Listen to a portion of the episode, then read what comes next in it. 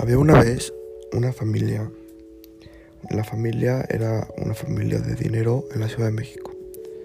En esa familia era conformada por una mamá, un papá y tres hijos.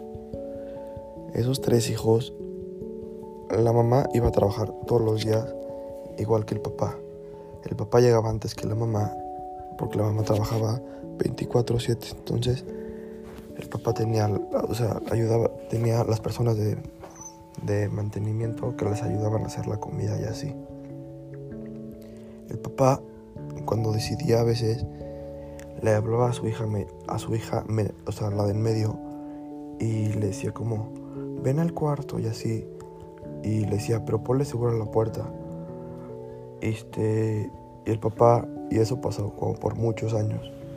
La niña no sabía lo que estaba pasando y se quedó callada.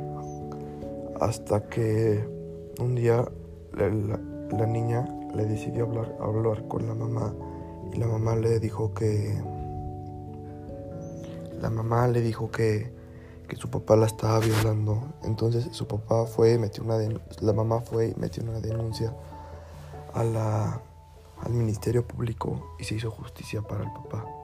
Yo creo que esto se puede puede parar de pasar si, o sea, hay como, enseñamos, o sea, empiezan a educar a la gente, o sea, primero al papá tiene que haber como más autoridad de las, o sea, de, tiene que haber más ley sobre él y a la niña le tendrán que como enseñar a hablar y que no se quede callada para que esto no pase con ella, no vuelva a pasar y la niña no tenga problemas mentales o psicológicos así, pues porque esto afecta muy mucho en la vida de los adolescentes hoy en día.